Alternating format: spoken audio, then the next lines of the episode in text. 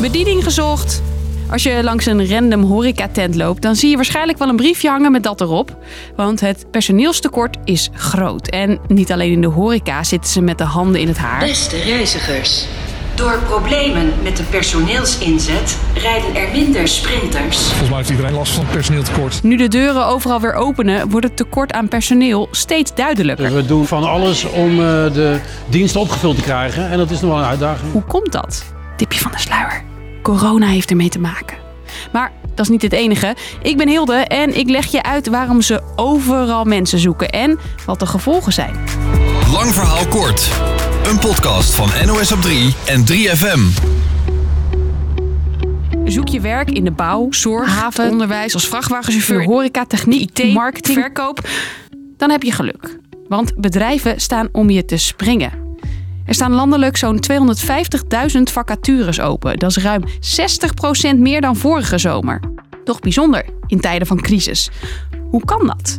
ABN-econoom Sandra Flippen legt uit. Dus de economie was tot voor kort eigenlijk nog in lockdown. Nu is die grotendeels open, dus heel veel economische activiteit komt met noodgang terug. En daarnaast hebben we door allerlei steunpakketten weinig werkloosheid deze pandemie. In vergelijking met andere landen is de werkgelegenheid, dus het aantal arbeidsplaatsen, is eigenlijk heel beperkt gedaald. Maar dat personeelstekort speelt dus op veel plekken. En in deze aflevering focus ik even op die tekorten die je de afgelopen week voorbij hebt horen komen in het nieuws.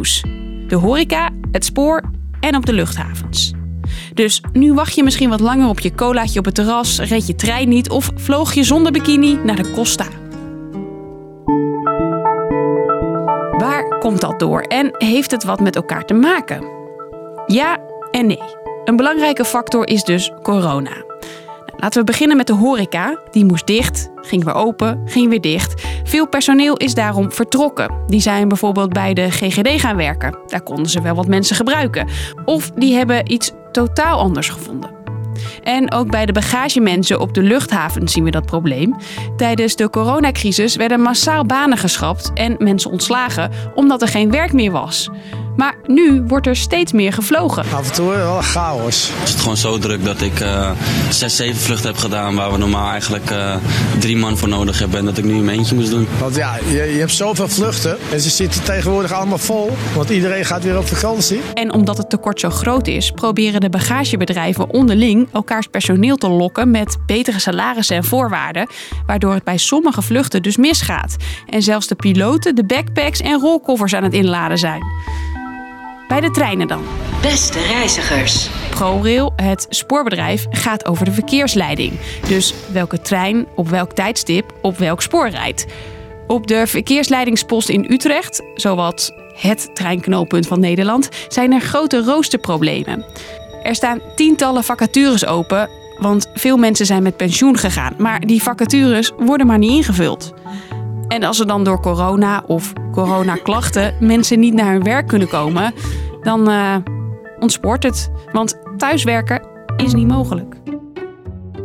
Erg onhandig dus. En al die tekorten hebben ook gevolgen. Zo blijft er dus wel eens bagage achter. Uh, ja, dat gebeurt wel eens. We proberen wel zoveel mogelijk af te sturen, maar als er gewoon geen tijd is, dan uh, redden we het niet meer. En rijden er tot oktober minder treinen. Terwijl ProRail als een gek op zoek is naar nieuwe verkeersleiders. We doen echt alles aan om het, om het te voorkomen en beter te maken. Het wervingsbudget is bijvoorbeeld verachtvoudigd. We hebben opleidingsklassen groter gemaakt. En ook voor de wat langere termijn moeten er oplossingen komen. Bijvoorbeeld in de horeca. Sommige zaken besparen op personeel door bezoekers meer zelf te laten doen.